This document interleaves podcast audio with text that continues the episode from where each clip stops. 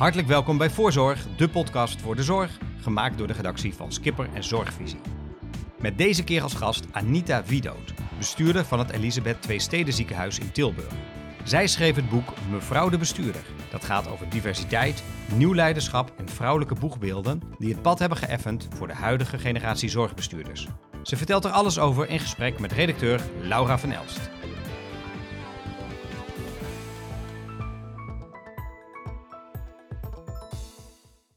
Anita, van harte welkom. Dankjewel. We beginnen met de koffer van mevrouw de bestuurder. Daarop zijn twintig vrouwelijke bestuurders uh, geportretteerd.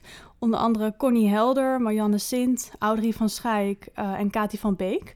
Kan je ons aan de hand van de koffer alvast meenemen en een inkijkje geven in mevrouw de bestuurder? Zeker. Ik heb inderdaad twintig vrouwelijke bestuurders uh, geïnterviewd, zorgbreed. En je noemde al een, mooie variatie op. Dus we hebben uh, geprobeerd om vrouwen uit de ouderenzorg te interviewen, ziekenhuisomgeving, eerste lijn, publieke gezondheid. Ehm, en ook met een grote variatie in leeftijd. Dus er zijn vrouwen die nog aan het begin van hun loopbaan staan. Maar er zijn ook vrouwen geïnterviewd die al nou, gestopt zijn in hun actieve bestuurdersloopbaan. En uh, waar ik heel trots op ben, is dat we niet alleen vrouwen met een Nederlandse origine hebben geïnterviewd, maar ook vrouwen met een uh, biculturele achtergrond. Verschillende typen bestuurders. Zeker. En het boek is uit een persoonlijk verhaal ontstaan, want je bent opgegroeid in een traditioneel deel in Vlaanderen. En tot je achttiende heb je ook uh, gesegregeerd onderwijs meegemaakt bij de nonnen. Um, Welke impact heeft dat op jou gehad? Maakte dat je strijdvaardig? Nou, het heeft wel een impact op mij gehad in die zin dat ik uh, verwonderd was over uh, het feit dat er inderdaad dat ik vrouwen om me heen zag die beperkt werkten. Maar dat ik ook vrouwen zag die een, een, loopbaan hadden. Dat waren dan bijvoorbeeld de nonnen waar ik les van kreeg. Het klinkt echt heel outdated als ik dit nu vertel, maar toch is het zo. En dus ik zag die variatie en uh, ik, ik, was ook met name in mijn uh, middelbare school had ik dan contact met de jongens van het college. En uh, ik voerde dan discussies met hen, maar ook toen ik psychologie ging studeren. En we, we, hadden ook vaak discussies over dat, dat zeg maar, de jongens de, neutrale, objectieve positie innamen. En ik dacht, hoezo? Jij, jij, kijkt vanuit jouw blik en ik kijk, kijk vanuit mijn blik hoezo een objectieve positie innemen. Um, en ga, gaandeweg ben ik eigenlijk met dat onderwerp wel uh, actief gebleven, zonder op de barricade te staan. Maar het, het, het, maakte gewoon onderdeel uit van mijn leven, van de keuzes die ik maakte. Uh, en vervolgens ook om nou ja, leider te worden en, en in een bestuurlijke rol te, terecht te komen. Want als jonge bestuurder werd je ook omringd door veel mannelijke bestuurders. Wat waren enkele van die grote contrasten die je toen de tijd zag? Ja, met name uh, toen ik begon als bestuurder was ik uh, verwonderd over de, de, de soms eenzijdige onderwerpen die aan de orde kwamen. Bijvoorbeeld in, een, in vergaderingen die we hadden, waar het ging over vastgoed of facilitair of over geld en de onderhandelingen met de verzekeraars. En ik dacht, waar is de patiënt? hoe gaat het met kwaliteit en veiligheid? Wat doen we met de personeelsontwikkeling? de positie van de verpleegkundigen. En dat waren eigenlijk alle, allemaal onderwerpen waarvan ik dacht, uh, uh, hoeft een bestuurder zich daar eigenlijk niet mee bezig te houden. Dus ik was een soort van verwonderd. En, maar toen ik de volgende stap na de verwondering was dat ik mij realiseerde dat ik juist op die onderwerpen toegevoegde waarde had. En dan ben ik ook juist voor dat aspect van de besturing gaan staan. En daar ben ik achteraf gezien nog altijd heel blij om. Precies, je zag echt een hiaat, dat het vooral ook om de cijfermatige kant van de zorg ging. Um, in je boek schrijf je ook dat het bijna tot een bestuurlijke crisis leidde, dat je wilde stoppen als uh, bestuurder. Hoe heb jij dan toch na die verwondering het heft in eigen handen genomen door echt jouw eigen stempel op jouw bestuurlijke stijl en op de zorg te drukken? Ja, dat is een eigenschap uh, die, die ik bij mezelf uh, heb, maar die, die ook terugkomt bij een heel aantal van de vrouwen die geïnterviewd zijn. Je leert, uh, zeker in het, in het begin toen ik als bestuurder werkte, waar, waar ik nog met heel veel alleen mannen samenwerkte, leer je ook heel erg terug te vallen op waar sta ik voor? En wat is het goede om te doen in deze situatie? En het is eigenlijk die zelfreflectie, maar ook dan vervolgens die positie innemen. Uh, en de positie is dan, ook al ben ik de enige die iets vindt, uh, dan nog heb ik het in te brengen. En die eigenschap die ik dus ook deel met veel van de vrouwen die, uh, die geïnterviewd zijn, die heeft gemaakt dat ik ben gaan staan. En dat ik juist met, op die toegevoegde waarde eigenlijk mijn bestuurlijke rol vervul. En dus ook vanuit een, persoonlijk verhaal, maar hoe kwam je op het idee om een vrouw, de bestuurder, te gaan schrijven, om in de pen te gaan klimmen? Ja, ik kwam op het idee omdat uh, mijn collega Bart, uh, die uh, mailde mij een aantal interviews van mevrouw de architect, geschreven door Merel Pits. En zij, zij heeft twintig vrouwelijke architecten in beeld gebracht. En ik was onder de indruk van de mooie loopbanen van die vrouwen. Maar ik was ook onder de indruk van de hordes die zij nog zijn tegengekomen. En toen dacht ik van hoe zou het zijn om dit nu te gaan bekijken vanuit mevrouw de bestuurder in de gezondheidszorg. En zo is het, is het boek eigenlijk gaan rollen. Ja, je kwam met een adviesraad tot die twintig vrouwen om te gaan portretteren. Hoe kan je me meenemen hoe jullie die vrouwen hebben gekozen? Ja, dus ik heb de adviesraad uh, samengesteld uit een, een zeg maar twee collega's bestuurders, een man en een vrouw en ook een jonge, een jonge dokter. En samen hebben we telkens gekeken van welke vijf vrouwen gaan we nu uh, benaderen. En zij, hebben ook mijn, zij, zij, zijn, zij zijn ook de, ja, mijn dode hoek invulling geweest. want zij hebben ervoor gezorgd bijvoorbeeld dat er ook drie vrouwen in het boek zijn die een biculturele achtergrond hebben. En die zaten niet in mijn netwerk. Dus ik wilde per se zeg maar, dat de adviesraad mij, mij hielp om ruimer mensen te benaderen dan alleen maar de mensen die in mijn uh, netwerk zitten. En als we even uh, sectorbreed kijken naar de zorg, afgelopen voorjaar sprak ik met Wilma van der Scheer uh, over het recente onderzoek van Erasmus Centrum voor Zorgbestuur. Daar blijkt nu dat de meerderheid van de zorgbestuurders vrouw is, 54 procent, um, tegenover 11 procent in 2000. Dus dat is een gigantisch verschil. Um, ja, hoe kijk jij jezelf naar die opmars? Ik word heel blij van die opmars. Uh, ook als ik kijk naar de, de, de, vrouwen in het boek die echt aan het begin gestaan hebben van die, uh, van, van, uh, die verandering. de Marianne Sins, de Jopie Noren, Thea Heren, om er maar een paar te noemen. Zij, ehm, zij kwamen vanuit een hele grote persoonlijke drive, kwamen zij in de besturing terecht. en geleidelijk aan hebben zij ook de weg geëffend voor nou, de vrouwen van mijn generatie en wij dan weer voor voor de jonge bestuurders die nu starten. Um, wat een, groot verschil met toen was uh, dat zij vaak echt de enige vrouw waren in een hele mannelijke omgeving. Terwijl ik sprak recent nog met een, uh, met een mannelijke collega, een jonge mannelijke collega, en die zei: Ik zie het helemaal niet meer zo dat, dat het nog een, een dominant mannelijke omgeving is, want ik werk met allemaal vrouwelijke uh, topvrouwen, zeg maar, samen. Dus de, de tijd is heel erg veranderd. Maar dan moet ik wel zeggen dat de, dat de zorg voorop loopt. Want in andere sectoren, dus als je kijkt naar de politiek, maar ook als je kijkt naar finance, als je kijkt naar eh, profitbreed, dan uh, lopen zij echt achter op de zorg. En daar is, daar is, uh, ook als je, daar is echt nog wel wat te doen. En veel van de vrouwen die we in het boek interviewen, hebben niet alleen een loopbaan in de zorg. Dus ze hebben ook een loopbaan in de politiek of uh, uh, in de profit of finance. En uh, zij zijn in die zin ook echt inspirerend. Niet alleen voor de zorg, maar ook veel breder dan dat. Dus de zorg mag zich nu wel echt een schouderklopje geven. Zeker. Maar de oudere generatie had het soms ook wel pittig. Wat waren van die obstakels die zij soms tegenkwamen of moesten trotseren? Nou, het waren soms kleine opmerkingen die gemaakt werden. Uh, bijvoorbeeld, uh, Thea Heren heeft voor het eerst samen een GGZ-organisatie geleid met een andere vrouwelijke collega. En dan werd er toch wel een beetje argwanend gekeken van, kunnen, kunnen deze meisjes dit? Hè? Dus dat, dat, dat waren uitspraken die zij dan vervolgens naast zich neerlegden en, en hun pad vervolgden. Maar ook bijvoorbeeld een, een Kati van Beek, die uh, toen ze zwanger werd, niet tot statutair bestuurder werd uh, uh, benoemd, maar dat werd nog even uitgesteld. Nou, dat kun je nu niet meer voorstellen dat dat nog gebeurt. en dus al die vrouwen hebben gewoon de weg geëffend voor ons, waar het nu eigenlijk veel vanzelfsprekender is. En uh, wat je ook al zei, van het is absoluut ook geen klaagzang. We staan wel stil bij de hobbels. De meeste vrouwen willen het eigenlijk gewoon hebben over uh, hun loopbaan, over hun bestuurspraktijk, uh, hoe ze dat vorm hebben gegeven. en ik moet zelf vragen aan de vrouwen uh, of, of ze ook hordes hebben tegengekomen. Niemand begint er eigenlijk uit zichzelf over te spreken. En dat is ook logisch, want in een, mannen, in een omgeving, als je de enige vrouw bent, dan moet je hier niet, ook niet over spreken, want je hebt geen medestanders. Maar het is, gewoon, het is vooral echt een boek wat gaat over de power van deze vrouwen uh, en de, de vele uh, kansen die ze gekregen hebben, de mogelijkheden die ze gepakt hebben en de drive die ze hebben om bij te dragen aan de gezondheidszorg en aan andere sectoren. Ik vond een hele mooie zin ook in jouw boek dat zij de opmerkingen die zij kregen, dat ze die bij de ander lieten liggen, zonder het op zichzelf te uh, betrekken. Ja, kan je wat meer zeggen over wat was die uh, key element als het ware van het leiderschap, de skills, het karakter, uh, zodat zij inderdaad ook echt daaroverheen konden stappen en de weg konden effenen voor de jongere generatie? die vrouwen hadden stuk voor stuk een, een, een groot besef van hoe belangrijk het was om zelfstandig in het leven te staan.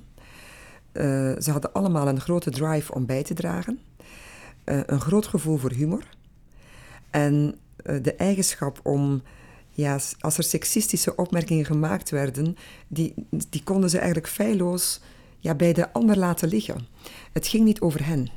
Of als er ook soms, hè, want dat, dat zien we nu ook nog soms, dat er ook uh, vrouwelijke uh, collega's waren die opmerkingen maakten over moet je niet bij het schoolplein staan of uh, hoe is dat voor je kinderen dat je vijf dagen werkt of dat ze, dat, dat ze vijf dagen naar de opvang moeten.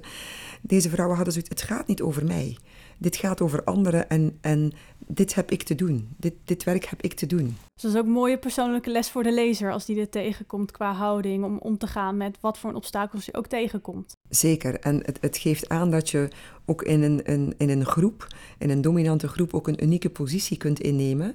En dat is eigenlijk ook een, een advies voor de mensen die een biculturele achtergrond hebben, of mensen die met uh, genderdiversiteit uh, aan de slag zijn. Dus neem die unieke positie in en ga ervoor. En laat je niet hinderen zeg maar, door de opmerkingen die ook nog door anderen worden gemaakt. Laat die bij de ander liggen. Die zijn niet van jou.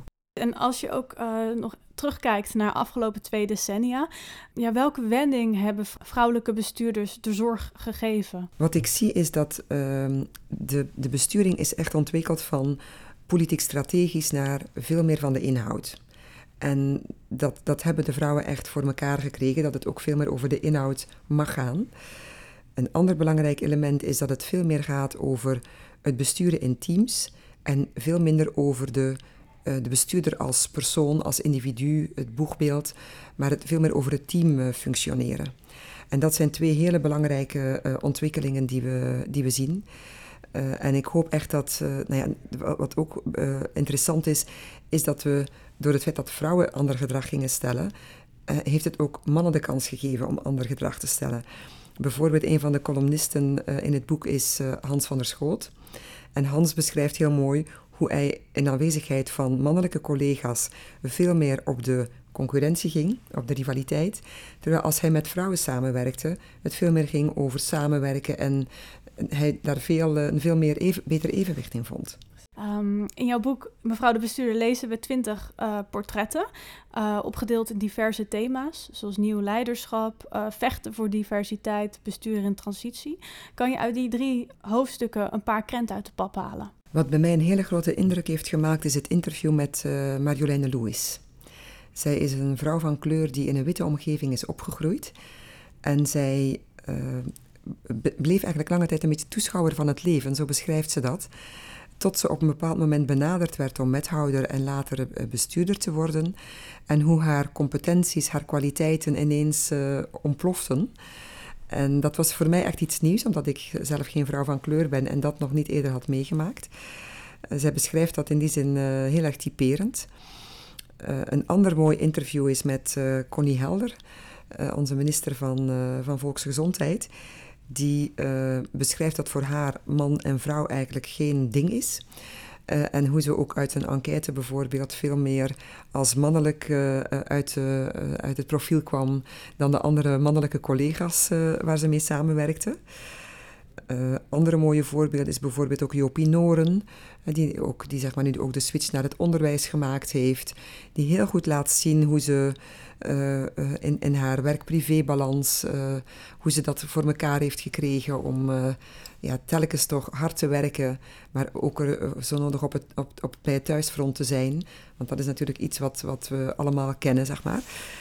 dus dat zijn wel mooie voorbeelden. Ja, en uh, het hoofdstuk vrouwen hebben moedige loodgieters nodig, dat trok mij gelijk mijn aandacht. Ja, wat moet ik mij daarbij voorstellen? Dat schrijft Judy Mesman in haar uh, column. Uh, wat ze daarmee heel mooi aangeeft is het, het, het eigenlijk we hebben veel hoogopgeleide vrouwen. en aan de top zien we dat er minder en minder vrouwen zijn. En waar verdwijnen die dan?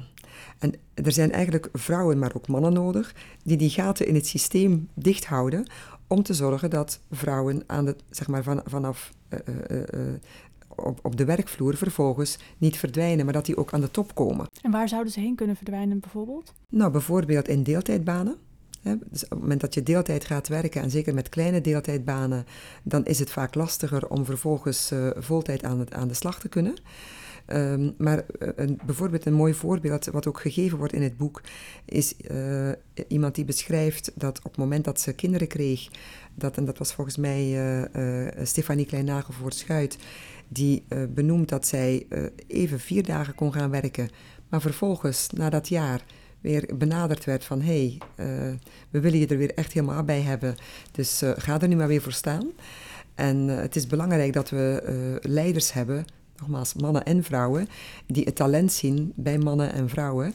Uh, en, uh, en ook breder uh, in, in de diversiteit, die zorgen dat talent gewoon niet verloren gaat. Dus echte gaten te dichten, zodat het niet weglekt. Um, een ander gedeelte heet bestuurders op hakken, vanuit het perspectief van de jonge bestuurder.